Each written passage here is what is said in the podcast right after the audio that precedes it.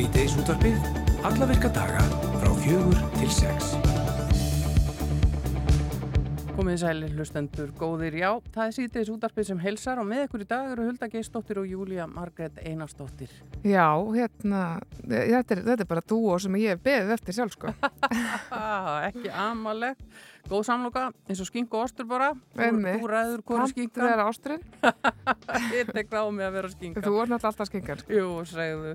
En við ætlum að, að, tala um alls konar hluti í dag eins og við erum nú vörn að gera í þessum þætti. Við ætlum að, að meðal annars að heyra knaspundumótinu Reykjavík sem að stendur nú sem hæst. Þar spila fjöl, fjölmörg lið, bæði innlend og erlend fótbolta miklu móð. Þetta er alltaf að gerast í laugardalnum og næsta nágrinni og við ætlum að ringja á síðari tímanum í hana Gunnhildi Ásmundsdóttur. Hún er framkvæmdastjóri mótsins og er stödd þarna í ringiðunni. Já, það er ábygglega mjög mikið fjör í lögadalinn makkur núna. Um, og svo er það Reykjavíkumarathon eða venni allar alltaf margir að hlaupa í því. Ekki bara sér til heilsubótar, heldur líka til að styrka gott málefni. Og á þessu sinni ætlum við að fá þær Kolbrunni Tómasdóttur og Ingi Björgu Freyju Gunnarsdóttur til okkar. Ingi Björgu ætlaði að hlaupa fyrir félagi Gleim mér ei og segja ykkur á. Já, við ætlum að fá að kynna okkur þá starfsemi aðeins. Svo er það hann Ottur Sigursson, formaður starfsmannafélags Íslandsbanka. Hann stegi í pontu og hlutaðafundi bankans í morgun og rætti stöðu starfsfólksbankans í tengslum við umdelda sölu í hlutuma á bankanum. Og uh, hann saði málið hafa lagst þungt á fjölda starfsfólks og það væri langt frá því að allt starfsfólk þarna væri á ofur launum eða hefði haft nokkuð með þetta að gera. Ottur verður gestur okkar hér á eftir. Það var mjög frólægt að heyra. Uh, og nú stendur yfir heilmikil undirskriftasöfnun fyrir já, Elisabethar stíg sem margir vilja verði nafnið á stíg sem liggja mun að milli sko solvallagötu og ringbrautar. Og það átti sérst að kenna hann við Pétur Hoffmann og kalla hann Hoffmann stíg en sum þykir bara nóg um karlana sem að fá göt, götur nefndar í höfuð á sér og leggja til að hann verði kendi við skáldkonna Elisabethu Jökulsdóttir sem var náttúrulega búsett á framnæsveginum bara um árabil og það mátti gætna sjá hann að vappi svona rósóttum kjólum og hún var að dansa við ussaklett eins og fræktur að við Mm. og hún stýðir þessu söfnun og hún ætlar að vera á línunni og, segja okkur frá þessu. Já, við heyrim í Elisabetu eftir fréttina klukkan 5. Svo ætlum við að ná í skottið á henni Steinei, okkar skúladóttur. Hún er að ferðum Norð-Östurland. Við erum búin að heyri í henni á Þórssöfn og Kópaskeri. Bara hvað hefur hún ekki verið sko? Og mér skilst hún á Húsavík í dag. Við fáum uh, frekari fréttir af því á segjaðari klukkutímanum. Alltaf dásald að koma þangað og kíkja á gamla bauk og svona. Já, bási bauk. Já, fá sér bauk, já. Eh, en svo er það lögreglustarfið. Því hérna, það er auðvitað fjölbreytt vinna og dagarnir geta verið, já, líklega ansi skrautlegir ofta tíðum og frá þessu starfi hafið en verið sagðar ímsa sögur af sorgum og gleði, háska hættum og öllu þar á milli. Og Július Einarsson, þjóðfræðingur, uh, hann hefur sjálfur starfað í ímsum deildum lögreglunar og hann er að sapna saman þessum sögum í bók um, sem nefnist lögreglumenn með þeirra eigin orðu með þetta rétt að mér og hann er að sapna sér satt fyrir um, útgafa bókarinnar á Karlínufönd og hann er sérstaklega hjá okkur, velkomin Július. Segðu okkur nú brendilega frá þessu verkefni og hvernig þér datt þetta hug Já, sagan á bakvið er svolítið, svolítið löng kannski.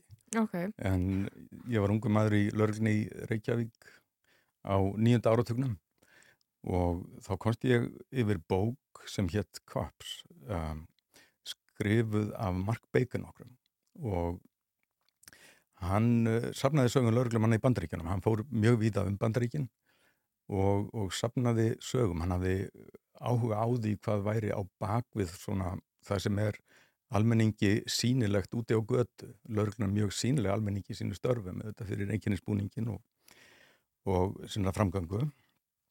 En hann langar að vita semst, hvað, hvað væri þarna á bakvið, hvernig vinna er þetta, hver er einsluheimarinn, hvers konar fólk uh, er í lörglunni, hvaða eiginleikum er það búið og, og hérna, það tók hann mjög langan tíma í byrjun að, að uh, komast inn fyrir ákveðna skil, hann, hann fór víðum, hann var lengi með hverju lörgluliði áður en hann var meðtekinn, menn þurfti að samþykja hann og það endaði með náttúrulega útgáfu þessara bókar seint og um síðir og, og ég las hann og ég fann svo mikla, svo mikla samsvörun bara með bæði störfun lörglumanna og upplifunum þeirra og, og því hann líkt á í bandaríkjónu samkvæmt lýsingum þessari bók og á Íslandi og allt frá þessum tíma hef ég haft þetta í rauninni í, í kollinum að, að það væri það væri gagnaði, það væri sniðugt að að gefa út eitthvað sambarilegt. Þannig að fyrirmyndin er í rauninni þarna. Einmitt. Já, við elskum alltaf að horfa á löggu þætti. Já, maður veldi nú s- samt stundum fyrir sér sko hversu raunverulegir eru til dæmis þessi sjónvarstættir sem að fjalla um lauruglu fólk eh, svona, hvað segir þú svona út frá þinni reynslu? Það er kannski ekki sambærilegt svona Nei, ég er svo gammal í hettuna, það er svo langt síðan ég yfirgaf lögregluna. Ég þóri alltaf að, að hérna, tala mikið um þetta en, en skulum segja, ég hafi þá tilfinningu að mjög mikið af þessu efni, afhrengar efni, að það á sér litla samsverðin í, í raunveruleikanum en, en þó eru skilist mér ímsart þáttaraðir sem er myndir sem að gera því príðilega skil mm. Því sem að fer fram. Já, en uh, sko raunveruleiki lauruglu fólks hér á Íslandi þó að ég eh, þekki nú ekki neitt til í einstar hing þar þá hefur maður svona tilfinninguna að lauruglan komi einhvern veginn að öllum þáttum mannlýfsins. Já, ég sagði að áðan að, að náttúrulega lauruglan er sínileg fólk eh, sér hann að störfum en það er bara hluti starfana sem á sér stað úti á götu.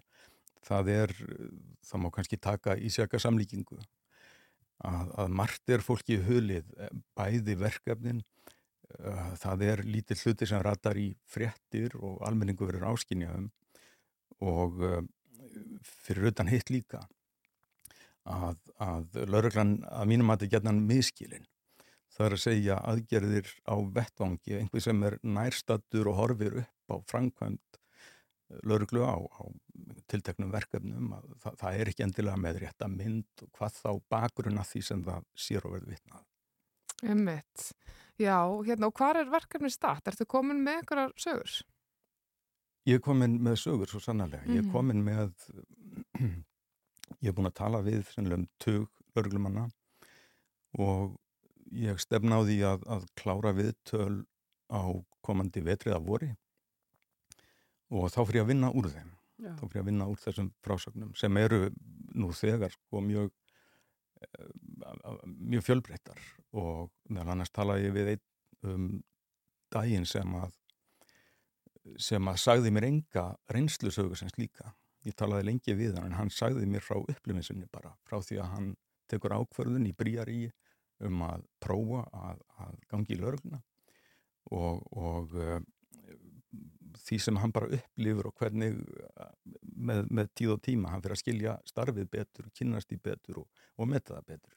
Einmitt. Þannig að hann fær hérna þessa insýni mitt sem að, já, þú ætlar að, já, veit okkur svona smá glugga einhvern veginn inn í, inn í þetta starfið mitt sem að maður einhvern veginn þekkir ekkert alveg til og maður veit ekki hvernig verkefni er að vera kljást í en þetta er ábygglega þessar sögur sem þú ert að segja, ég meina þær eru kannski af svona, kannski óvennilegum dögum eða einhver sem kemur upp á, getur þú gefa okkur eitthvað dæmi svona um það sem þeir eru verið sagt frá, sem þið fannst áhugaverst. Um, það er það er af svo mörgu að taka þetta eru mjög Mhm. ólíkar þetta eru mjög ólíkar frásagnir Mm. og uh, ég er að berjast við það núna að reyna að mun eftir einhverju, einhverju tiltekni um, ég veit ekki hvort ég ætti að vera yfir höfuð að, að, Æ, koma með nei, eitthvað nei. slíkt ekki, en, ekki hérna vera að gefa neitt upp núna Nei, bara- nei, við, við lesum bara bókina. bókina, já. En verður þetta þá bara svona framsett svo litið kannski eins og smásagnarsafn þar að segja bara uh, margar sögur og einni bók? þegar ég er, þegar ég er búin að safna öllum sögum, ég sýnist ég fá, fái meðaltali einhverjar fimm frásagnir frá hverjum viðmælanda. Og þegar ég er komin með allt saman þá fyrir ég að vinna úr, ekki fyrr. Þá ætla ég að taka mig til þegar ég er, þykist vera komin með nægilega fjölda viðmælanda og sagna þá ætla ég að taka mig til og, og flokka sögurnar eftir efni. Og upplifunum getum við sagt. Já. og út frá þeirri flokkun verða kaplatni til. Þannig sé þetta fyrir mér og ég hafði hugsað mér að, að að skrifa ingang þá að hverjum kapla fyrir sig. Vera með einhverja útleggingu en síðan bara koma, koma sögurnar. Já. En eru, er- verða þetta þá nafnlausar sögur? Þetta eru nafnleisa sögur, já. Já. Og þú ert með þessa tímalínu svona að klára þetta einhver tíman á næsta ári, uh, útgafa þá jafnvel innan næsta árs líka? Já, já, útgáfa er áformuð næsta haust, eh, fyrir ekki hausti 2024. Bara jólabókaflóðið. Já, má, má segja það, ég kom með útgefanda Já, og, já, og, og þetta er komið í, í farveg, sem sagt. já. Og þetta er hægt að að kynna sér betur inn á Karolína Fond síðunni og mm. verður ábyggilega spennandi að, að fá svo litla insýn í, í fjölbreytt starf lauruglufólks á Íslandi. Július Einarsson, takk fyrir að líta við hjá okkur og segja okkur frá þessu og, og gangið vel með þetta. Kjöra það ekki. Fyrst og fremst Rástvö Þetta er Rástfö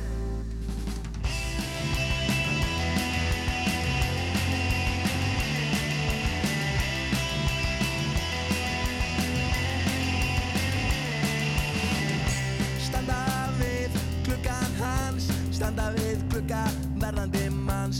Komast inn, komast að Hver er hver og hvað er hvað. Við vitum öll hvernig fer Þau deyja öll inn í sér. Komdu með, við verðum öll Að taka það sem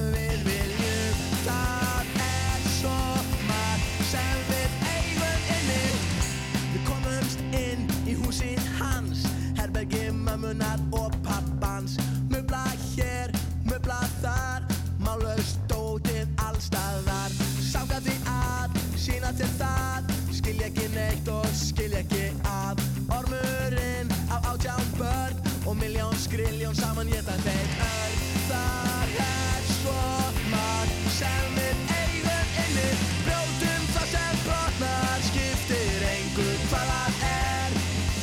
Lifum svo í rústunum Frúm á kúra við hliðin á mér.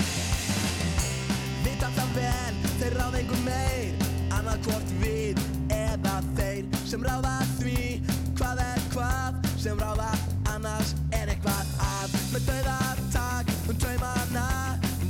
Svig sitt og draumana Húsið sitt, jafn sinn Passa líka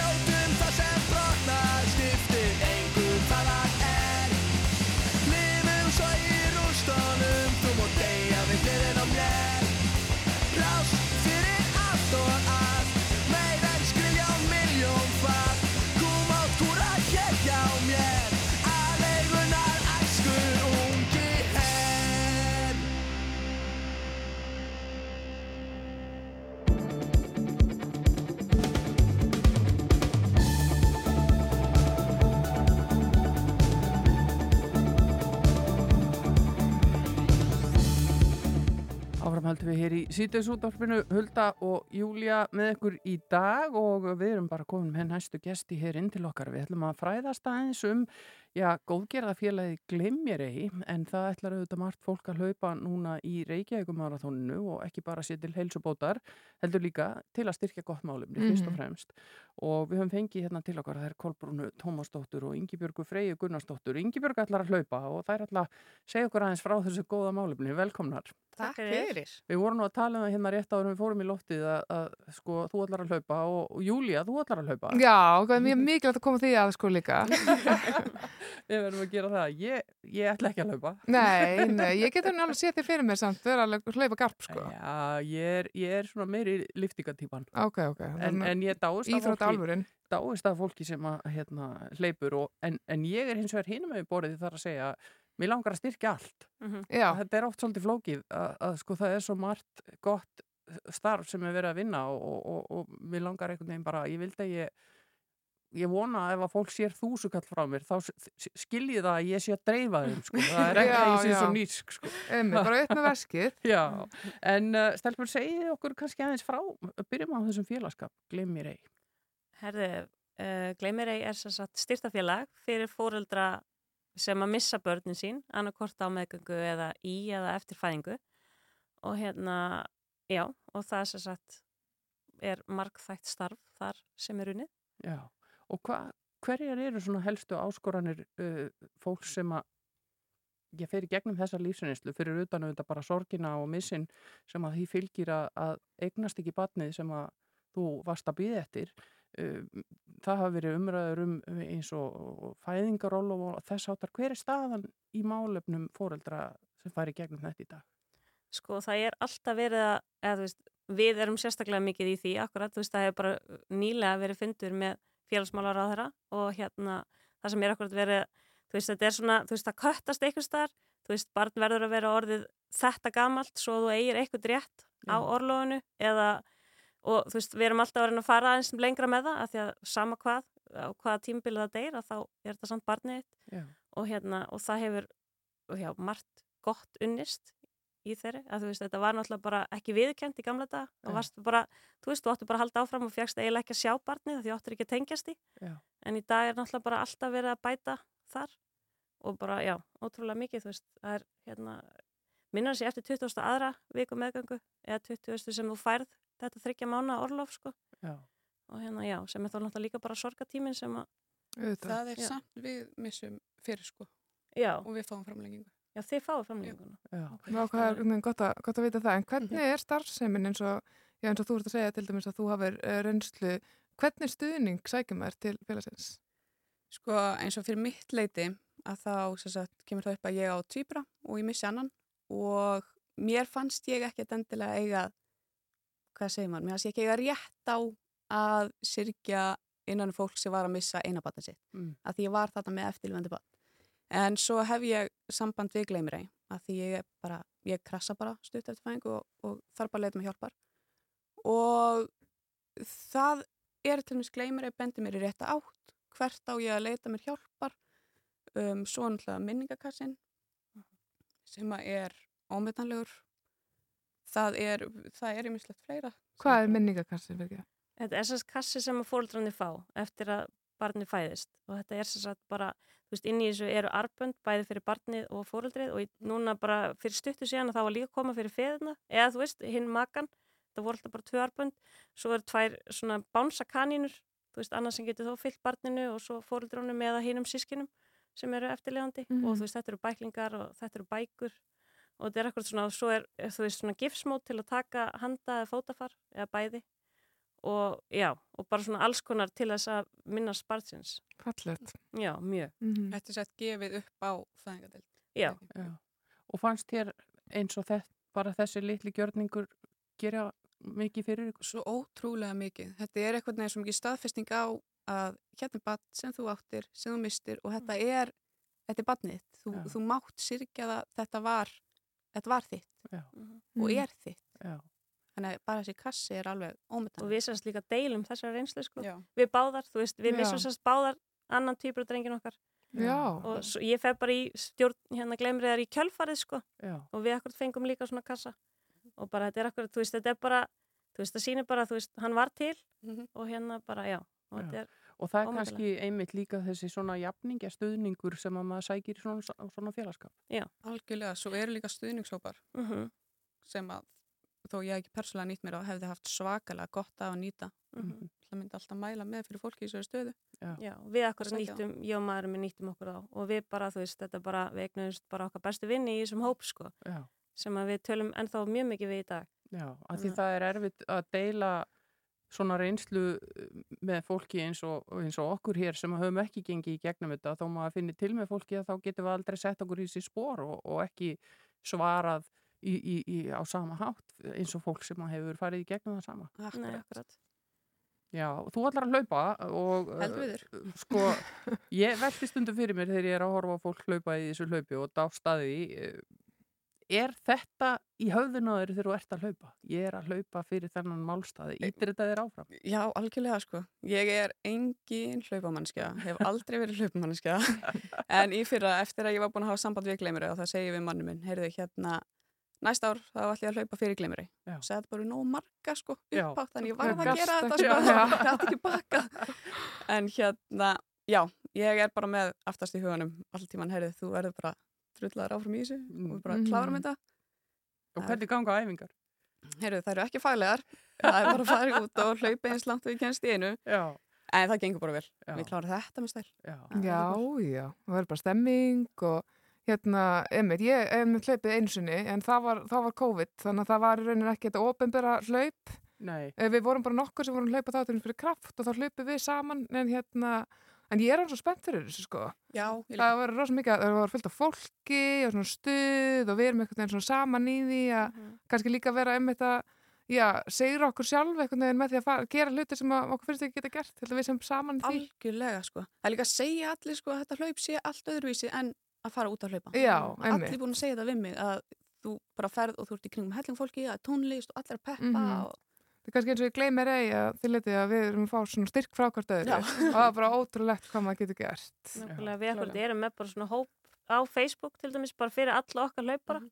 sem að þú veist við bjóðum fólki inn í og þú veist það er akkurat að myndast svona bara svona, eða þú veist, mhm, það er stemning sko. já að því að þú veist og eins og bara, þú veist, eins og það orðaði eitthvað svo vel að þú veist í þessu hlaupi þetta er oft fóreldrar sem hafa misbönni sín og svo vinnir og ömru og afar og papp, eða þú veist, fóreldrar Mhm. fóreldrana mhm. og þú veist, þannig að það myndast alltaf bara svona að herði við erum að hlaupa fyrir þetta barn og bara svona, þú veist, eins og það er einn hópur sem er búin að, þú veist, sapna næstu í miljón, sko, sem Já. er bara svona hópur í kringum eitt barn sem að lést, þannig að þetta er svona, já þau fá bara að vera svona engla mömmur og engla pappar Já. Mhm. og svo sjáðu styrkin í öllu fólkinu sem hleypi með þeim, sko Vá, það er svo lett. En getur þetta aldrei, þú ert ekki trætt um að þetta verði bara hreinlega erfitt og bara gjósu upp bara mikla tilfinningar einhvern veginn í þessu samingi? Ég Sko, jú, ég held að verða alveg rosalega tilfinningaritt hlaup og en það er bara gott, Já. það Mhm. má alveg. Ég Það- held að, mér finnst líka mjög fallegt, gleymir að ég er með hérna bóli Mhm. sem, sagt, sem við getum sótt um hlaupararnir sem eru mertir börnunum okkar. Já. Vá. Já, og ég held að Vá, verði... ég er bara með gæsa og, ég er bara, hérna, and, og til þess að styrkja þetta mikilvæga starf uh, þá er hægt að fara bara inn á já, hvað hlaupa styrkur eitthvað leis Mhm. og þú fletta upp um, þessu félagi, Já. gleymir ei Mm. og finna sér kannski einhvern hlaupara til að heita á. Laupastyrkur.is er síðan og það er náttúrulega ótal mörg góð málefni þar inni. Ég, eins og ég segi, ég vildi að ég ætti fullt af penning og geti styrt alla svolítið vel en öll reynum við að velja kannski einhver mál sem að standa okkur næri og, og, og leggja eitthvað til. En rekstur svona félags, sko, Kolbrún, hvernig gengur það? Eru þið alveg háð eins og svona framlögum, uh, uh, góð, góðgerða mála framlögum eða þið eru ekkert að fá neina peninga frá Nei. ríkinu eða slíkt? þetta er bara, við erum bara þú veist, lifa á styrkjum eða þú veist, þetta Já. er bara og Reykjavíkumarathon er okkar stærsti fjár, eða okkar stærsta fjáröflun Já. þannig að við akkurat, þú veist, þetta er eitthvað svona þetta er svo ótrúlega mikilvægt og þetta er svo fallegt og bara, þú veist umræðan sem opnast í kringum Reykjavíkumarathoni er svo ótrúlega mikilvæg að því akkurat við erum bara styrtafélag. Sem að hérna, já, sem að margir eru góðir að styrkja sem er bara eindislegt. Er þetta stór hópur sem að gengur gegnum þetta á ári hverju sem Sko- missir börnin sín? Við gefum minningakassa sem við Mm. hérna vorum að tala um, þeir eru gefnir þegar fólk missir eftir 12 viku meðgöngu. Við pökkum í 100 kassa á ári. Já. Þannig að, og svo eru náttúrulega bara, þú veist, einhverjum sex meðgöngum enda með fóstumissi líka, sem eru náttúrulega þar á undan. Mm. Þannig að, þú veist, við stöndum náttúrulega framalega á Íslandi að, þú veist, það er ekki mikið um, en það er samt alveg, Já. þú veist, já, þetta er of mikið samt, finnst mannu þetta. Þetta er stór hópur Þetta er stór hópur, einmitt. og þetta er erfið, erfið reynsla að- gangi í gegnum. algjörlega. Hvar getur fólk kynnt sér starfseminni ykkar frekar? Eru þið eitthvað starf á vefnum? Eða? Herru, við erum já, bara allstaðar, bara gme.is uh, og við erum með Instagram síðu og Facebook síðu sem bara gleymir í styrstafélag. Já. Og það er aldrei á seint fyrir fólk sem kannski gekk í gegnum þennan vissi fyrir löngu síðan þegar viðhorfinu voru öðruvísi að, að koma til ykkar. Nei, við bara til dæmis bara held ég hvort það væri þessari eða senstu viku og þá var bara kona sem kom til okkar eða fóröldra sem voru að leitast eftir upplýsingum um barni sitt sem mistu 88. Já.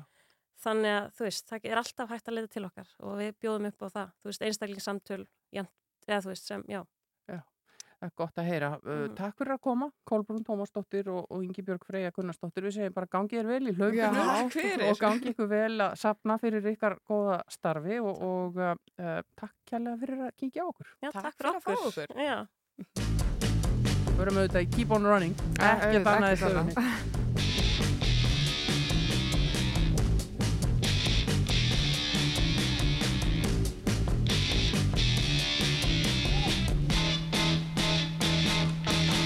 on running.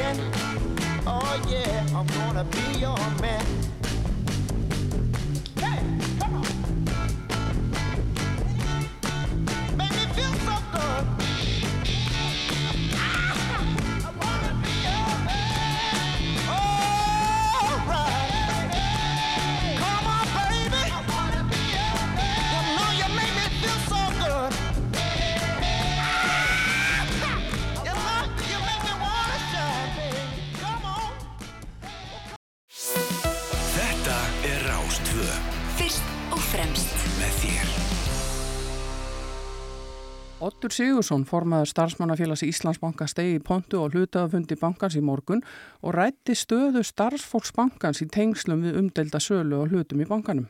Hann saði málið hafa lagst þungt á fjölda starfsfólks og langt væri frá því að allt starfsfólk væri þar á ofurlaunum eða hefði haft nokkuð með sölun að gera. Ottur er komin hérna til okkar í síðdeis útarpið og við ætlum aðeins að ræða þetta mál. Velkomin.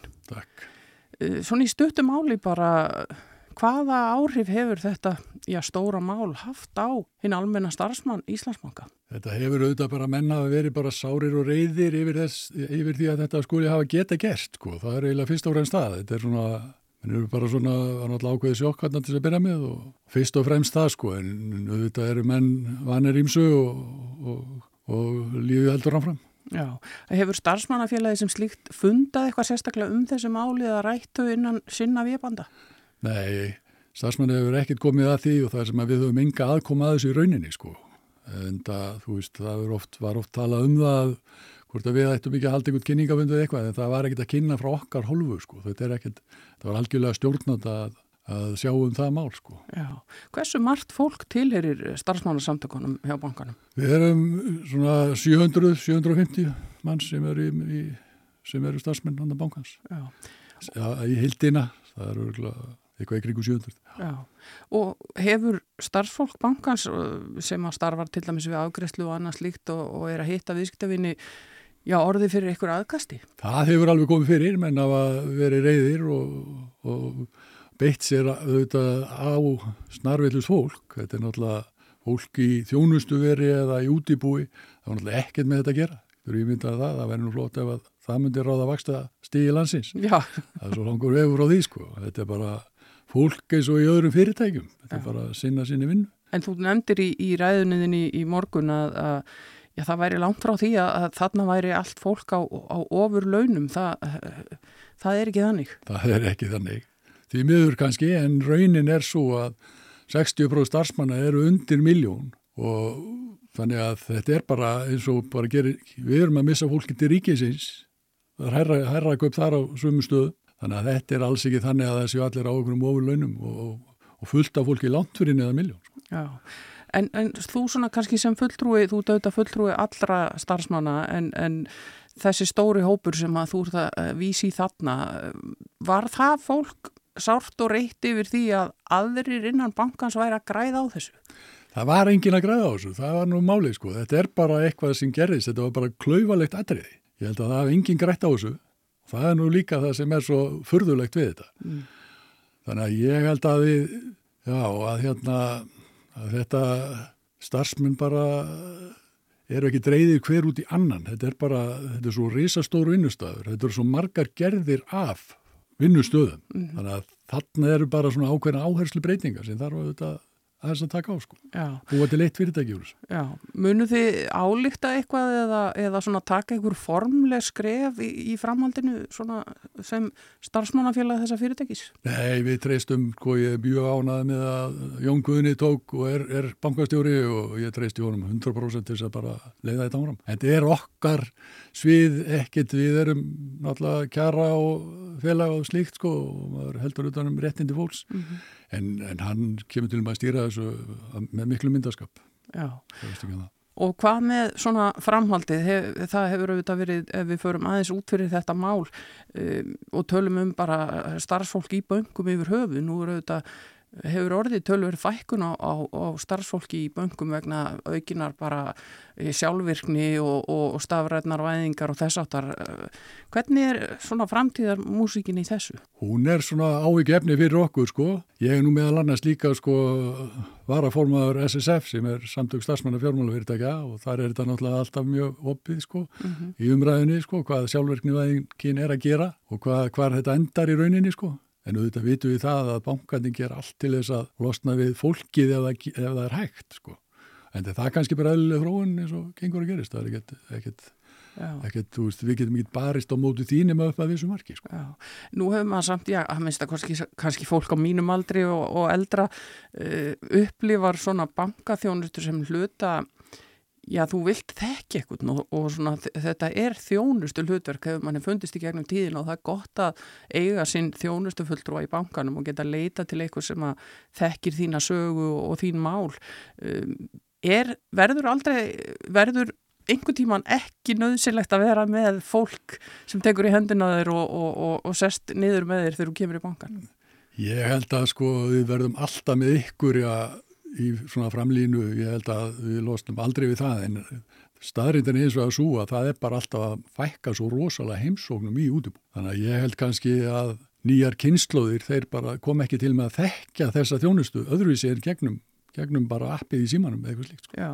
Ég held að þetta sé að, en við þurfum um að þjó, þjónusta það fólk sem er ennþá með það þau að fara að bara mæti bankan, fá sér kaffið sopa og, og spjalla. Sko. Og það eru þetta stór þáttur í bargra lífi. Sko. Jú, jú, og tala nú ekki um eins og var kannski enn lengra aftur í tíman þegar þú þurftir að byggja um lán þá, þá varst að setjast niður með einhverjum og ræða þau mál, er, nú er þetta bara að ferðu bara í síman og sendir inn umsóknina þar. Já, já, og, og upp að þessu markið þá bara skiður allt sjálfgráð og þú er sverið allt sko. Já. Þannig að þetta er bara, þetta er, tæknin er bara takk yfir og það er bara gott og, og svo þurfum við bara að hugsa um réttindi okkar fólks á, bara í nýju umhverfi. Já, en nú er uh, þetta stóra mál uh, búið að vera í gangi og, og í heitri umræðu eins og við nefndum hérna áðan og, og þessar breytingar á bankastar sem er nú svona, hvernig, hvernig leggst bara framtíðin í ykkur hjá starfsmannafélagi Íslandsbanka, svona, já, kannski nánasta framtíð og svo lengri framtíð, er fólk uh, bjarsýnt og, og, kátt að mæta aftur til vinnu eftir sumafrí eða er, er þungt í mannskapnum? Sko, það var auðvitað þungt í mannskapinu svona fyrir, fyrir sumafrí, sko. Nú er sumafríði komið og það er búið að vera eldgós og allavega dót þannig að það hefur bjargað hellingi í þessar umræðu og ég held að þetta bara, við bara komum saman og þetta verður ekkert mál. Bara, þetta er bara, þetta er skaðinni skeður og það er ekkert annað en að horfa fram á því. Já, þannig að þú vilt meina að umræðinum eldgósi hafi svona, já, fært kannski fókusinn þangað og létta þess á starffólk? Já, allannur umræða svona léttir á þessu, sko, það er eitthvað annað að tala um í fjölskyldubóðum öðru heldur en bara Íslandsbanka klúrið sko. En þú sem starfsmaður bankans, hefur þér einhvern tíma liðið illa yfir og svo fundist, uh, þú ber eitthvað ábyrðið að skammast ín eitthvað fyrir að vinna fyrir þetta fyrirtæk? Nei, alls ekki sko, ég er náttúrulega veit alveg í, í hvernig í, í pottum var búið og það, ég gati ekkert skammast mér fyrir það að gera ekki neitt, skilju, en þetta neini, ég hef ekki, ekki þá tilvinningu, ég er bara stoltur að vinna í þessu fyrirtæki. Já. Óttur Sigursson, formaður starfsmannasamtaka Íslandsbanka. Takk fyrir að gefa þið tíma til að líta við hjá okkur hér á Rás 2 og gangi ykkur vel. Takk. Fyrst og fremst með þér. Við erum Rás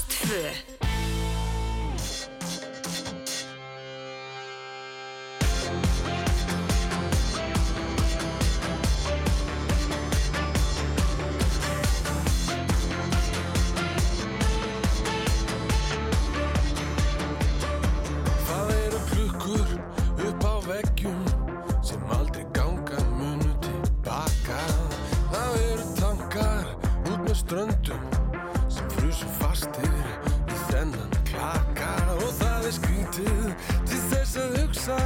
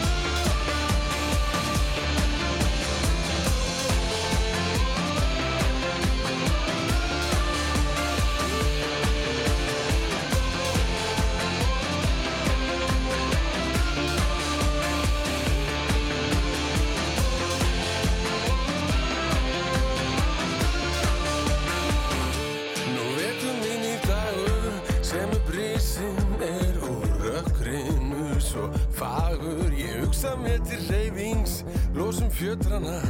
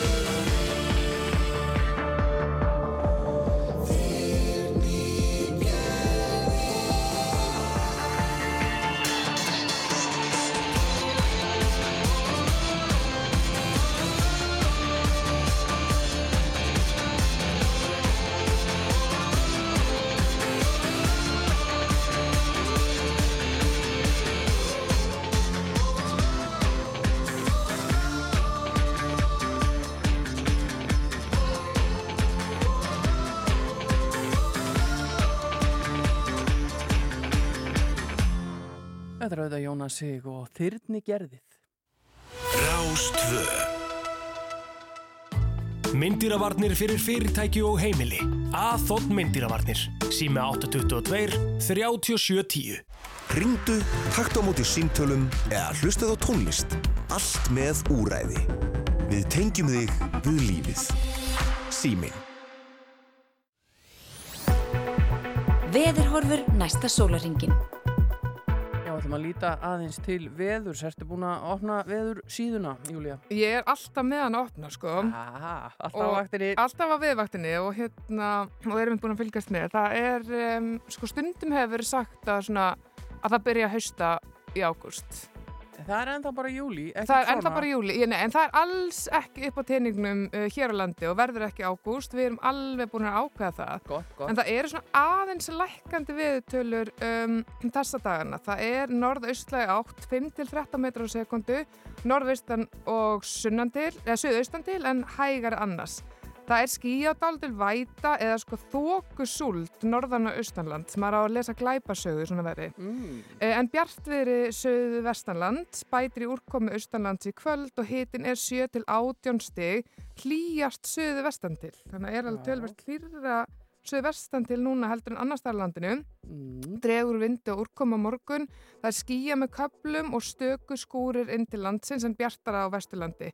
Hitin er að breytast lítið en það rofar til á norðausturlandi uh, síðdeis og hlínar þar í veðri. Þannig að Já. það fer að verða aftur svona alveg sólglirögna uh, og stuttumabúla veður hérna fyrir norðaustan. Já, en það er líka frábært vegna þess að það eru franskir dagar Akkurat. og það er bræðslan og það eru mærudagar Nákvæmlega, það er nefnilega allt að gerast. á þessu svæði. Já, á þessu svæði, þannig að það er eins og veðuguðin hafi ákveðið að gefa gestum eh, sem þarna fara um alltaf gjöf sko fyrir helgina. Það hljómar, hljómar mjög vel og, og við erum til í það og svo er auðvitað ef við lítum hérna eitthvað aðeins svona fram í tíman þá er hérna verið að tala um sunnudag og mánudag. Þá verði hæg breytilega átt og víða bjart með köplum en síðdegi skúrir inn til landsins. Þókubakkar við norður og austurströndina hitin þá á bylunu 12 til 17 stig að deginum en mun svalara í þókunni ég verð nú samt að segja það ég held að margir myndu vilja fara að sjá smá rigningu á, á svona ákveðnum svæðum ég held að það myndi gera sprettunni gott Já, Og- fyrir það sem er að hugsa um hérna svona haustlaugana og svona. Já, bara heiskap og, Heiskap, já. og svo tala nú um gróðureldana við litlar hút. Það er nefnilega málið, emmitt. Það er náttúrulega búið að vera svona frekar, um, maður hefur, hefur svona grátt yfir, Já. vegna þess að gróðarelda og náttúrulega út af eldgórsinu. Þannig að já, verður margir sem er ráðbæklega gott fyrir loftgæðin að fara að fá smá Já, já, rigningu. við myndum alveg vilja Okkur finnst regningin góð, það er eins og það er sko. Já, þegar, okkur vantar hana þá viljum við heyri í henni en þessa myndi bölvum við henni. Það er bara þess að gengur. En hérna framöndan hjá okkur í síðdeisútarpinu það eru auðvitað fréttir á slæginu klukkan 5. Við ætlum síðan að, að heyra í Elisabetu Jökulsdóttur hér eftir 5 fréttirnar. Við ætlum að uh, ringja í lögadalinn og heyra fjörunu á Reykjöp og svo ætlum við líka að ná í skottið á henni Steinei skóladóttur okkar sem er á ferðum Norð-Östurland og hún er búin að vera að koma inn í beinni útsendingu hjá okkur hér í vikunni og, og hún er að, er að sko að tjekka í bóksinn á Já. 40 staðir í, í beinni útsendingu í sumar. Það er aldrei afreg. Það er, að, það er markmiði á henni og uh, Jóhanna Alfred og uh, hún, hún er búin að vera duglega að tikka. Já, sannlega. Hún er mjög, mjög viðþörul kona. Já, það er óvægt að segja það. En uh, við höfum tíma til að heyra eins og eitt skemmtilegt lag fram að fréttum og við förum bara í klassíkina. Það er H.L.H. og Sigriður Beindisdóttir. Hún átti ammali í vikunni og við ætlum bara að senda Sigur Beindis kæra kveðju. Vertu ekki að plata mig.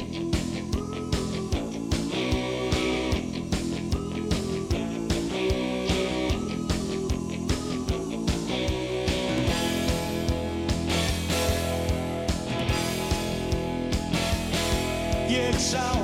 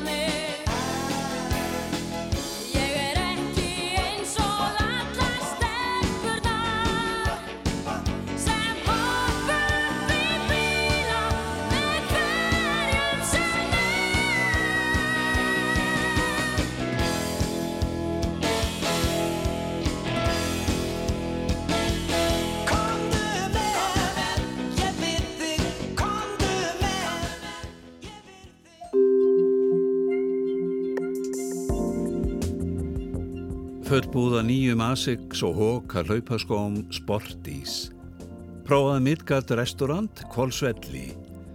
Nýjar íslenskar gullauga karteflur Melabúðin. Þú ert að hlusta á síðdeis útvarpið á Rástvö.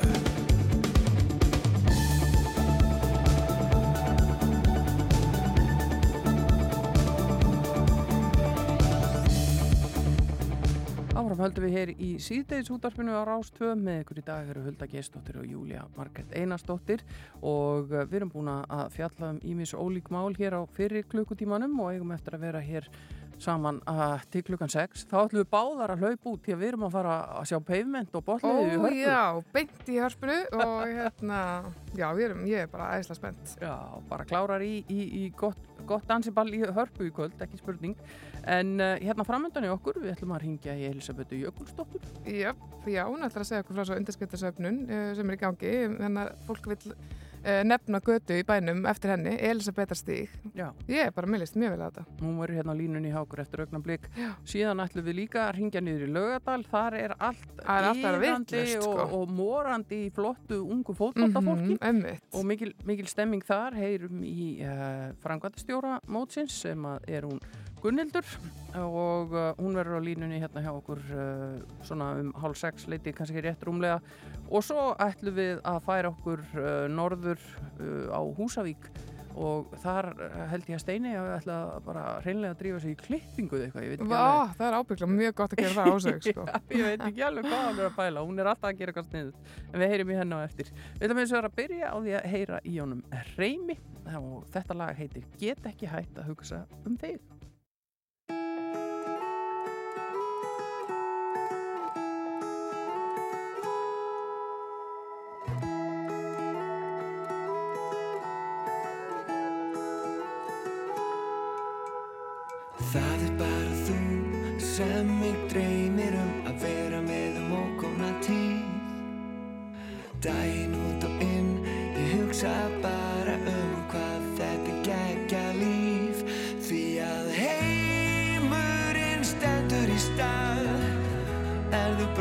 til mín, þú ert það eina sem ég vil.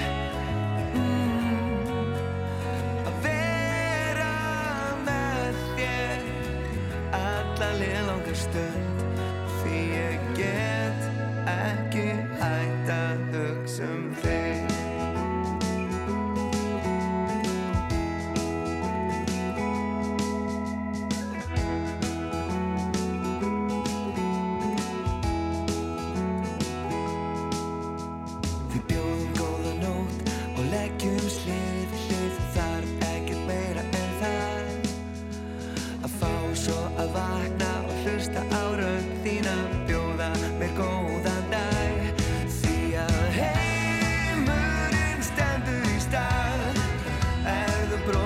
me.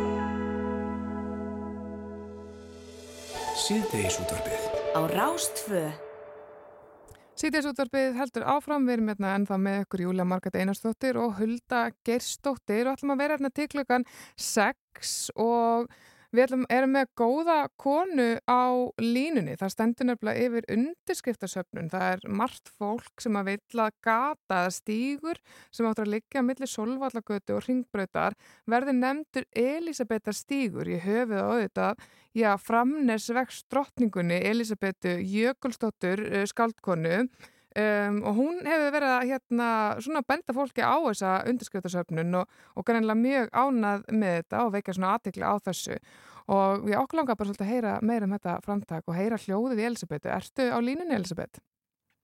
Já, ég er hérna. Hva, hvað segir þú? Við ætlum að byrja bara að heyra í þér hljóðið. Hvernig ertu í dag? Herðu, ég er bara mjög góð. Ég vaknaði syngjandi morgun og mér finnst undirskriftarlistin, hann er svo skemmtilegur, hann er bara svo leikbank og þetta er svo mikið af, þetta eru 600 mann sem eru búin að skrifa undir núna á fáinu dögum. Og þú ættir að sjá kommenti sem að fylgja, ég verði alveg bara, ég þarf ekki að skrifa æfisögum mína, ég er bara svo hrifin af þessu allu og ánægð. En þetta er hérna, þetta gengur rosalega vel og, og hérna, ég ger þetta, þetta er sem sagt átt að kalla þetta eftir Pétur Hoffmann sem er, hann er uh, gullströndin sem er uh, sem sagt uh, sólalagsbreytin heitir þarna það sem að sólalægið fólk sapnast saman til að að hérna horfa sólalægið en það er líka nefnd gullströndin eftir Pétri Hoffmann þannig að mér fannst hann alveg vera búin að fá bara sinn skap Já, hann er bara búin að við- í bylli. Já, og við konurnar ættum bara með fullri virðingu fyrir honum að þá ættum við að skýra þetta Elisabethastíga því ég hef sett alveg jafn mikið svip á hverfið eins og, eins og hérna Pétur. Já, sko alls ekki uh, um að villast. En núna ertu stödd á öðrum slóðum. Uh, þú ert, hvað, ertu í hveragerði? Já, ég er í hveragerði Emmi. og býð þar. Já, en voru það ekki þar. svolítið viðbriði að hérna fara úr, úr, bænum að var náttúrulega vanur að sjá þig þarna og eins og segir, þú settir sannlega svipa umhverfi, það var alltaf gaman að sjá þig skottast þarna um og, og, og dansa þarna í vesturbænum. Hvernig er að, er að vera í hveragerði? Heyrðu, það er bara mjög fínt. Það er bara mjög fínt. Ég, hérna, ég fór í áttamánuða heimþrákast en síðan hefur þetta verið bara mjög fínt og ég er bara svona að reyna að leggja mitt að mörgum til samfélagsins. Ég er búin að halda ljóðakvöld og ég er núna með myndlistasýningu á bókasafninu og hérna er að sína 30 pöttumyndir Já. og er búin að selja bara nýju stykki af 30 þannig að það gengur mjög vel og var að ringi bæjastjóran í gær og vita hvort hann vildi ekki kaupa eina eða tvær myndir handa Kuragerisbæ þannig að mér fannst það svona leiðin að, að hérna tengjast hérna að, að taka þátt í samfélaginu þó ég sé ekki búin að stopna kór að þá er þetta svona mín leið til að vera með. Það getur nú komið síðar. En Elisabeth, Já. ef að þetta gengur ekki upp hér í Vesturbænum í Reykjavík og, og ekki verður af þessari, þessari nafngift götunar, er ekki tilvalið bara að fara í að fá eins og einn ein Elisabethar stíg í hveragerði? Jú, auðvitað, það er það náttúrulega. Ég er að vísa ekki búin að vera hérna svona lengi og ekki dansa eins mikið. en, Nei, þú ætla að dansa við hérna- Ursaklett. En það er nefnilega máli, það var eitt komment á þann að, að hérna frá manni sem að sagði ég mun aldrei kalla stígin annað en Elisabethastíg. Mhm. Þannig að ég held að stígurinn sé þegar búin að fá þetta nafn og Já. yllu bróður minn segir það, hann segir þarf eitthvað undirskriftasöfnun. Er þetta ekki bara komið? Einmitt. En hver stendur að baki þessu undirskriftasöfnum? Hver byrjaði þetta framtak? Það er bara ég og, og svona minn gerði listan og, og svo stend ég á bakvið hana. Þannig að ég er svo góð í að hampa sjálfur í mér og, og hérna svo mikið sjálfsálit svo enginn trúi því. en, en einhverjum gæti fundist þetta nú svolítið óviðígandi að, að vera að hampa sjálfum sér en, en þú ert ekki tveimin við það Nei, ég hérna, mér skilst að Bubbi Mortens hafi farið upp í borgarleikhús og stungið upp á síningunum nýju líf. Fyrir ekki að Bubbi ef þetta er rámt hjá mér. En hérna, þannig að ég held að maður eigi bara að koma sér á framfæri og þetta er sniðu hugmynd og ég vissi það líka. Að, að hérna, þrátt fyrir minn hlut í henni þá gerði ég mér alveg grein fyrir því að þetta væri sniðu hugmynd sem gæti slegið í gegn og, og byggingaverkamennir sem er að byggja húsið ég hitti þá um daginn og þeir voru alveg já við viljum þetta heiti Elisabethastígur og hérna þannig að ég er búin að fá allir lið með mér nú er það bara borgarstjórin sem að ég á eftir að eftir að hylla Það er ná honum bara næst. En talandi um leikhúsið, uh, þá hérna, verður já, hérna, svona, þín rödd alveg þar í haustu það ekki? Það að setja hérna, upp leikrit byggt á þínum bókum, ekki satt? Jú, ég er alveg bara miður mín af heiðri og ánægi og gleði og hamingju þannig að það er þetta er Unnur Ösp og Björn Tórs þetta hérna þetta yndislega fólk ætlar að Unnur er að leika þetta er einleikur og Björn Tórs er að leikstýra henni þau eru sem sagt að snúa við dæminu frá því var sem í vertu úlfur þegar hún var að leikstýra bytni mm. Akkurat. Þannig að þetta, þessu verður snúið við núna en það er sama teimið og var í vertu úlfur. Já, Mér sé er Björn. Bergstedt ljósamaður Einmitt. ætlar að vera með. En Elisabeth, eh, að ef við, ef við hérna svona rétt áður en við því að því tíminn flýgur alltaf svo hratt þegar það er- maður er í skemmtilegu spjalli uh, sko hver er tímalínan á þessum undirskriftalista? Hva, hvað ætlið að gera með þetta og hvenar og hverjum ætlið að afhenda þetta? Heyrðu, það er svona að, að hérna koma í ljós, ég ætla að hugsa um að hafa þetta þúsund undirskriftir, það eru núna 600 og það væri voða gaman að það tækist að safna þúsund. Það er konar 94 deilingar þannig að þetta skot gengur. Og uh, þá ætlaði ég annarkort að kalla eða sem sagt fá að tala við borgarstjóra eða Einar Þorstensson eða þá skipulagsráð sem að ég ímynda mér að ráði einhverju um þetta. Þannig að það kemur bara í, ég skal láta ykkur vita. Það væri mjög gott og leifur okkur að fylgjast með og bara gangi er innilega vel með þetta og takk fyrir að hérna, heyri í okkur Elisabeth. Já, takk fyrir að sína Elisabeth stíga áhuga og bara gaman að heyri í ykkur. Sömulegis, kæra þakki fyrir spjallið Já, og bestu já. kveðjur í hveragerði. Já, takk, takk, bless. Já, við höldum áfram að, að spila skemmtilega tónlist og heyrum nokkur skilaboð, komum svo hér inn aftur og eftir og fljótlega ætlum við að ringja niður í laugadal og heyra af Reykjöp. Rástvö Þetta er Rástfö.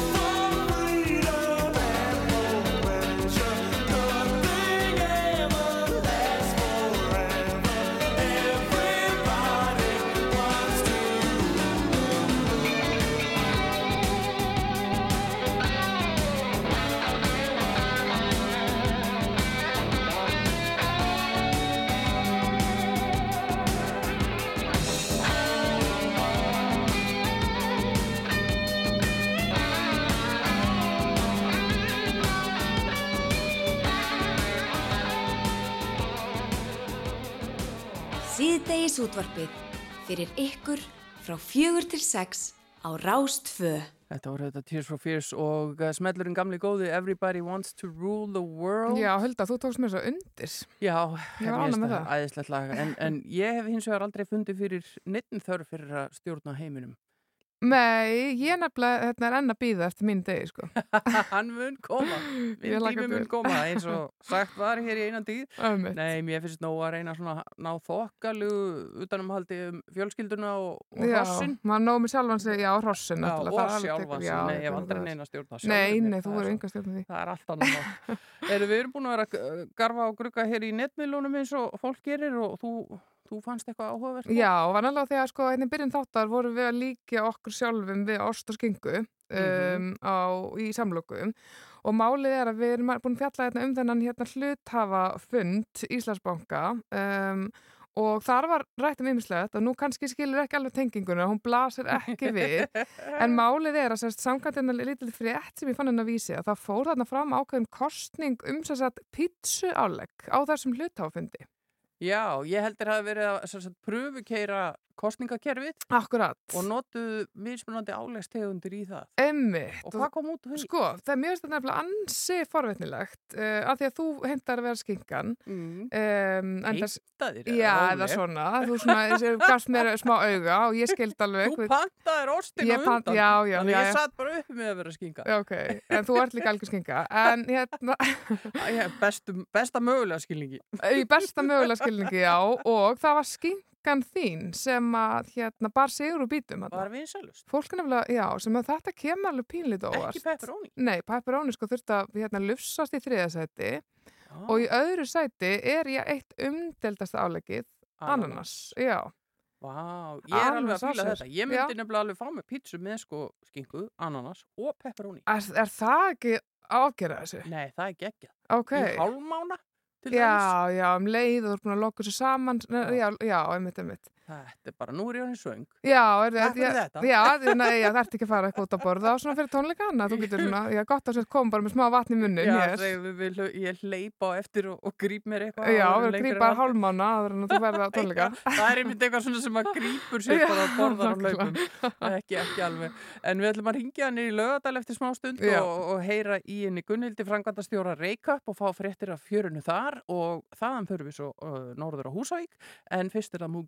það með lægið sitt um stóru stóra ástina.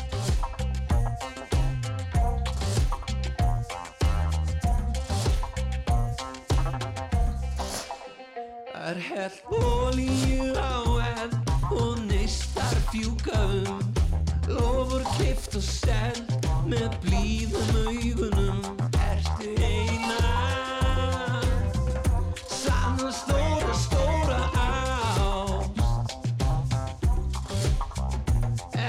Ertu eina Stóra, stóra, stóra ást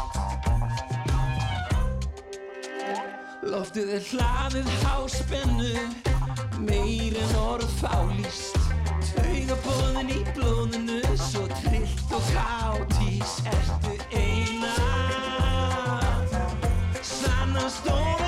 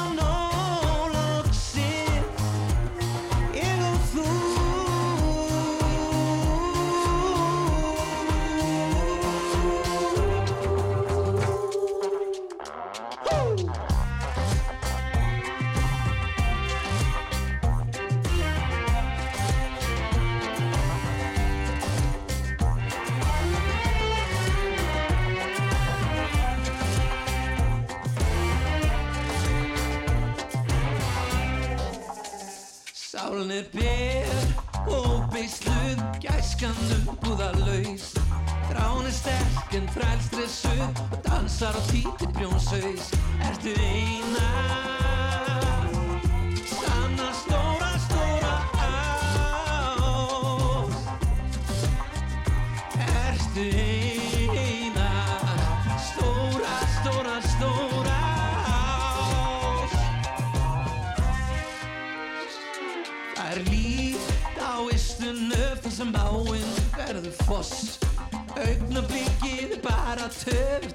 old hate them cuss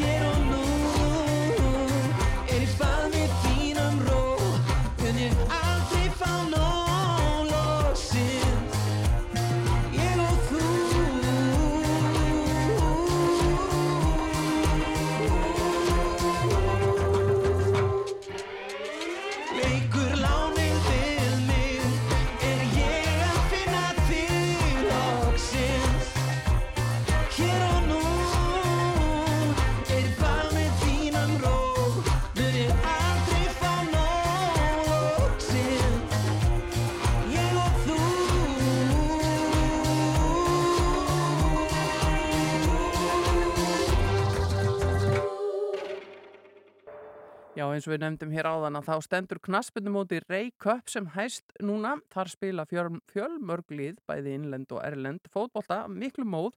Þetta er alltaf gerast í laugadalnum og næsta nákværinni. Og línunni hjá okkur er Gunnhildur Ásmundsdóttir. Hún er framkvæmdastjóri mótsins. Góðan daginn, Gunnhildur. Góðan daginn. Já, hvað er að frétta þarna neðan úr laugadal? Hvernig gengur? Bara gríðarlega vel.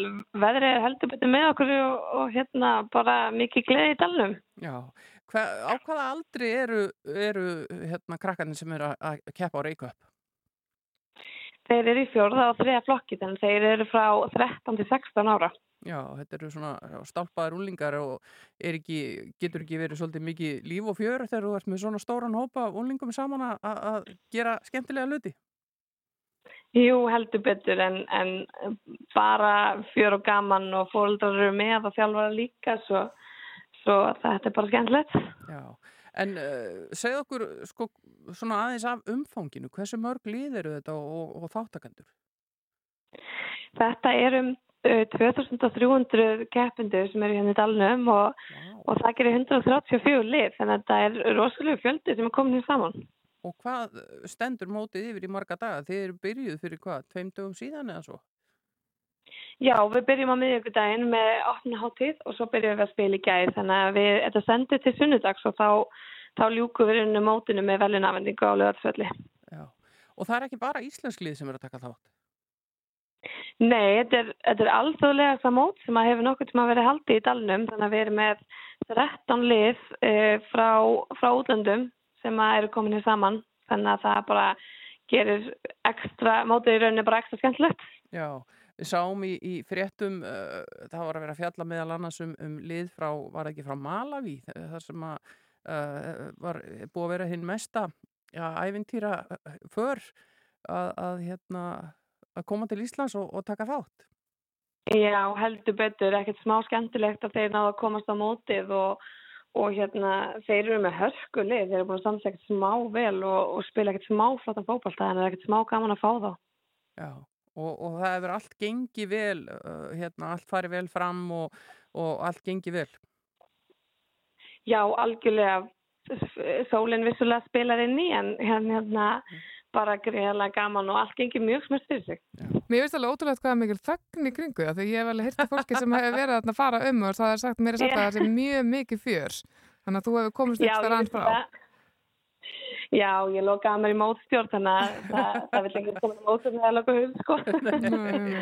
Nákvæmlega, en það er ímislegt fleira en, en fótbolti á dagskrá. Það, eh, allavega þau skipti sem ég var að fara þarna með, með dóttu minni og þá var ímiskonar önnur aðþreying í bóði Já, við vorum með gríðarlega skemmtileg sundlega partí í gær sem að gekk mjög vel og svo erum við með ball á Hilton í kvöld og, og hérna svo erum við með grillveislu í fjölskyldugarnum á morgun og, og vonandi verður sólinn endur þar þá. Þannig að það er bara mjög mikil dagskrá og mikil kistla og hérna, já, smá spennandi. Já, og síðan eru þetta hvað úslita leikir þá uh, með viðhöfn á sunnudag? Já, við erum með marga úrsluta leiki og hérna í rauninni verða, verða fjórir úrsluta leikir á lögatarsvelli í beinni útsendingu og svona, hérna það, það verður spennandi. Já, þeir eru að streyma þessu öllu saman. Við erum með streymi af uh, einum velli í ár, við ætlum að hafa tvo, ekki alveg upp, en hérna, við erum með beint streymi frá einum velli, já. Og það er náttúrulega alls konar lið sem að koma inn á þann völl og, og, og alls konar leikir. Já, heldur betur og virkilega gaman ef að hérna, ellendilegin á að spila hér og, og þá fá þeir heima að fylgjast með. Já, gaman að því. Nú, talandi um sko- svona alþjóðlega stemmingu þarna, þú sjálf, ert þú ekki sjálf oftast bara í Danmörku? Jú, heldur betur, ég er búsett þar þannig að ég kem hérna bara svona tveim mánuðum í rauninni fyrir mót til, að, til að koma í svona alveg undirbúning. Getur ekki, getur ekki slitið frá þessu?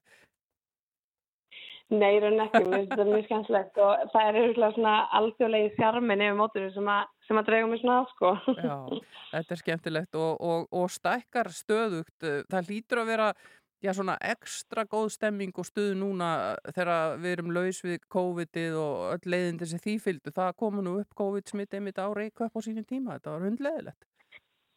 Já, ég held að sjáist bara á dalnum hvað, hvað það er mikil gleði, sko. Það er bara með svona mikill sól og, og hérna góðum fótballtaföllum að þá er einhvern bara ekki hægt að kvarta, sko.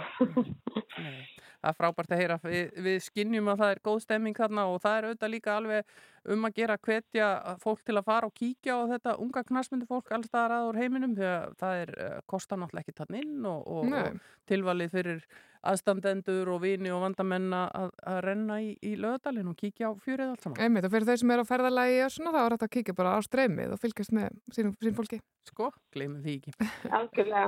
Gunnildur Ásmundsdóttir, hvað segirðu?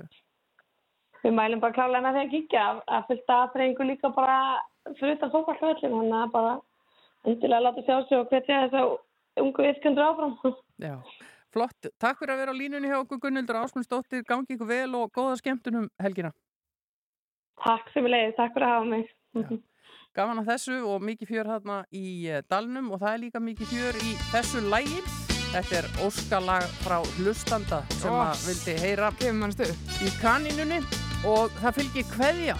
Það er uh, knús og kram til mín söðesveski frá Stínu frængu til Dísu frængu. Öss.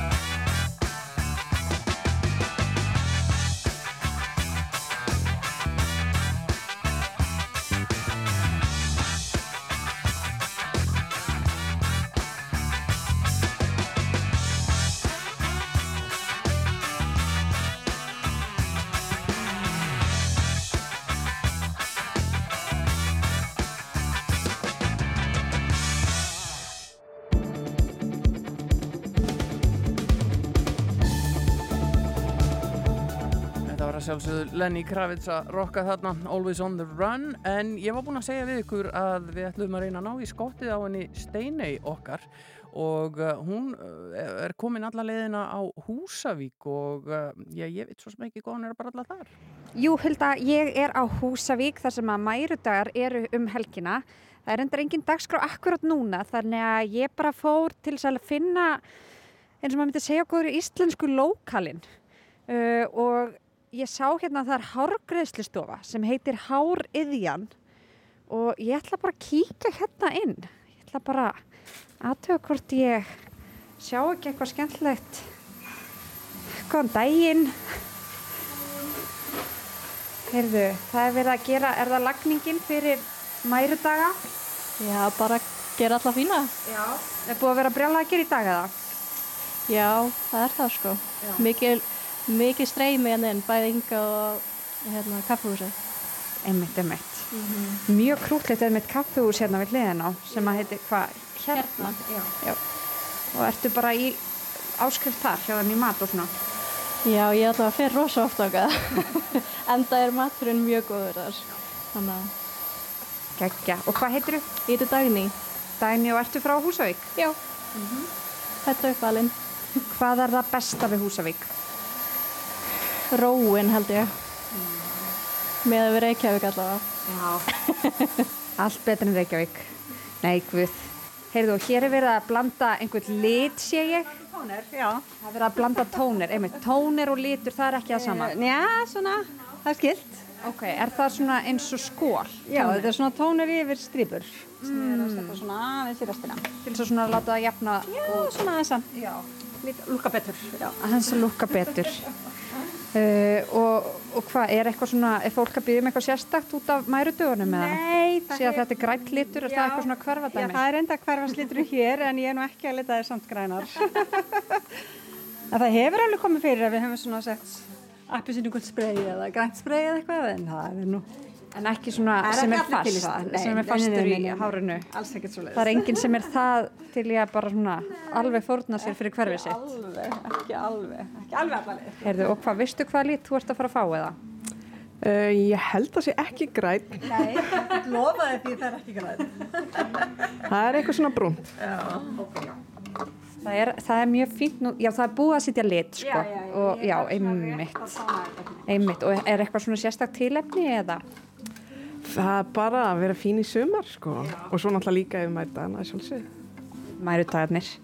Uh, ég var að lesa einhvers staðar um að sko að það, þeir voru orðin rosa stórir þannig að var ákveðið að draga aðeins tilbaka en nú eru þeir aftur að verða rosa stórir. Hvað er? Þeir halda það að verði stóri núna. Já, ég held sko að það er svona orðið meira svona lokal og kannski hefur það bara meira aðdrættarafl. Já. Það er kannski gerðist bara óvænt sko. Já, einmitt. Það vilja allir vera með. Já. Það er gaman hjá okkurum. Einmitt, svona notalegri stemmingu sko. Já. Og hvað, eru þið þá sjálfa, þú veist, skipuleg einhverju svona viðburði og eitthvað svoleiðist, þú veist, eða er það þá bara að sk skreita?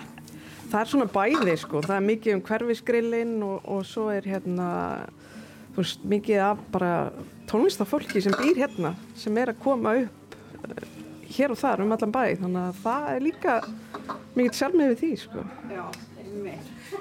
Ó, þetta er alveg, ég fæ bara, er hægt að fá bóð í svona grill eða? Ef maður er ekki frá Húsavík? Ég held að sé bara allir velkomnir. Ok, ok, þannig að hlustuðu þeir geta bara brunað af stað og, og mætt bara í eitthvað grill. Já, það er bara þannig sko, það er bara að mæta og, og þykjast ekki alla. Það er, það er mjög gott. Bara hæ, oh my god, svo langt síðan síðast, eitthvað svona. Já, og ef þú kemur á bíl, að þá skaltu leggja bílnum upp á gangstétt, þá ertu alveg eins og einfaldur. svona lokalti heyriði, geggja að spjalla við ykkur ég ætla að senda boltan aftur upp í efstaleiti eða niður í efstaleiti, suður í efstaleiti suð oh, ég er ekki nógu góð með átturnar, suðvestur í efst- efstaleiti uh, og ég ætla að halda áfram að hérna til á þessari hárgreislustofu Rástvö Þetta er Rástfö.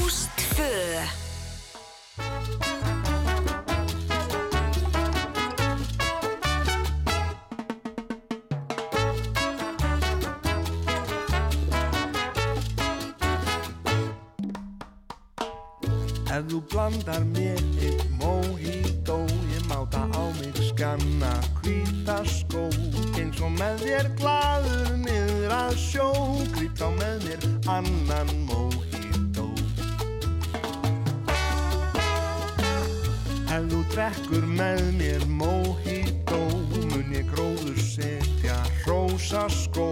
Ef þú færð af massi meir en nóg Mæli ég með öðrum mojito gefðu mér í glas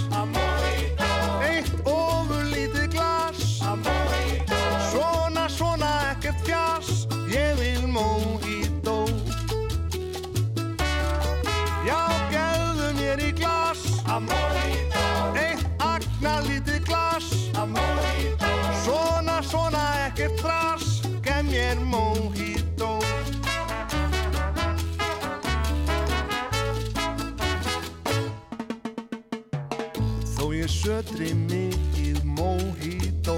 Má þér hvorki verða um nér ó.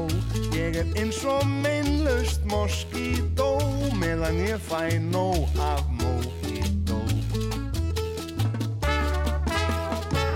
En ef mér skildi skorta Skelf ég allur svitna niður á þjó Ég mun sjálfsagt enga finna fró Fyrir en ég fæ nýjan mojito. Æ, gefðu mér nú glas Af mojito. Vel úti látið glas Af mojito. Svona, svona, ekkert fjas. Gef mér mojito. Já, fælðu mér nú Eitt heljarinnar fat. Af mojito Svona kona ekkert pat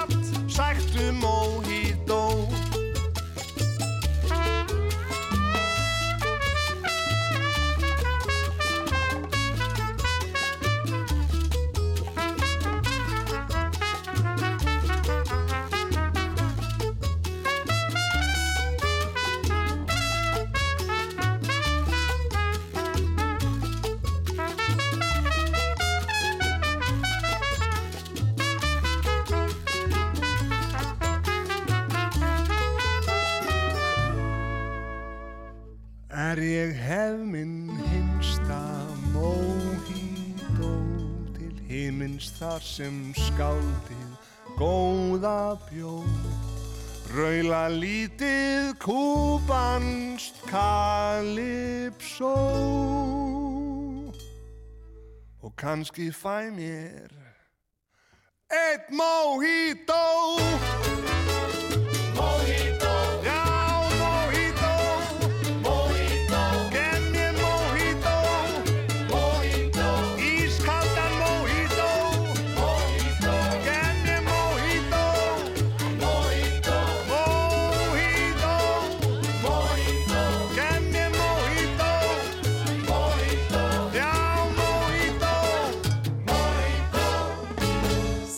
Síðdeis útvarpið. Stóru og litlu málin. Frá fjögur til sex á Rás 2. Spurning hvar móitóin lendir í þe þeim pakka, stóru eða litlu málunum. Já, þetta er, þetta mjög stort og mikilvægt mál og hérna, alveg eins og þú varst svöng sko þegar maður tala um pítsunar að þá er mér fara að langa mjög mikið auðvitað óáfengan, af því óáfengum mojito er líka hinn fullkomni drikkur Já, það hljóma vel. Já, Ég nefn- ég- klakin, myndan hérna, Bara bragðið. allt við þetta Oft er nefnilega einmitt hægt að fara þá leið. Ég er náttúrulega að fara á tónleika en ég ætla að vera á bílnum þannig að það er ekkert í bóði að vera í neinu vesinni með það og, og við auðvitað segjum við alla að ganga hægt um gleðina dyr. Auðvitað. Nema þessir hér, þeir gerðu það nú kannski ekki alltaf en lögin bjóða allavega upp á stemmingu. Þetta eru Gees og Nights on Broadway.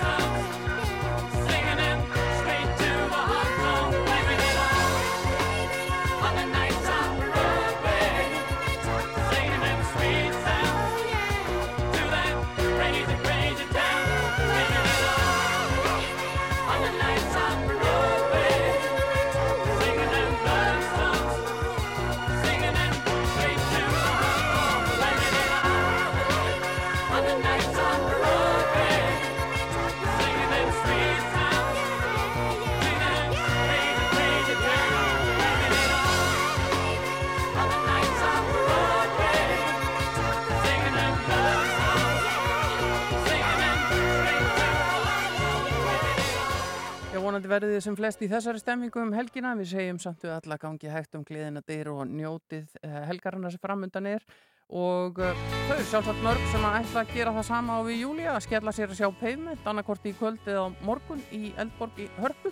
Einmitt. Við ætlum að drífa okkur og endum þáttina sjálfsögða því að heyra í þessari ágættu bandarísku sveit. Lægið heitir Range Life. Takk fyrir að hlusta. Takk fyrir saman. After the glow, the scene, the stage, the set, talk becomes slow. But there's one thing I'll never forget. Hey, you gotta pay your dues before you pay the rent. Over the turnstiles and out in the traffic, there's ways live, and it's the way I'm living, right or wrong. It's all that I can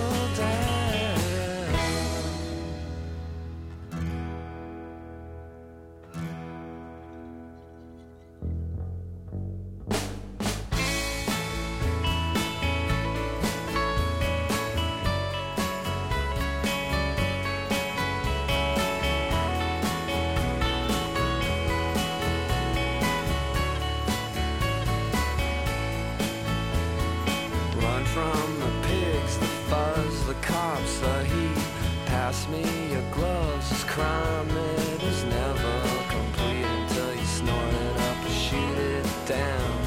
You're never gonna feel free. Out on my skateboard, the night is just Allt fyrir hlauparinn á einum stað fætur toga höfðabakka þrjú. Sígræn ást gróðrastöði mörg. Strandarkirkja í Selvogi, Guðsjónustæði Strandarkirkji í Selvogi, sunnudaginn 30. júli klukkan 17. Atviði breyttan messutíma, sóknanemnd og sóknarprestur. Hágæða nýsluvarshittarar fyrir frístundahús. Vörukaup EHF. Flokkun er forsenda þess að hægt sé að endurvinna pappír. Rétt flokkaðu pappír er sendur í endurvinnslu. Kynntuðu málið á flokkum.is. Hei, hei, potturinn stefnir í 34 miljónir gott fólk.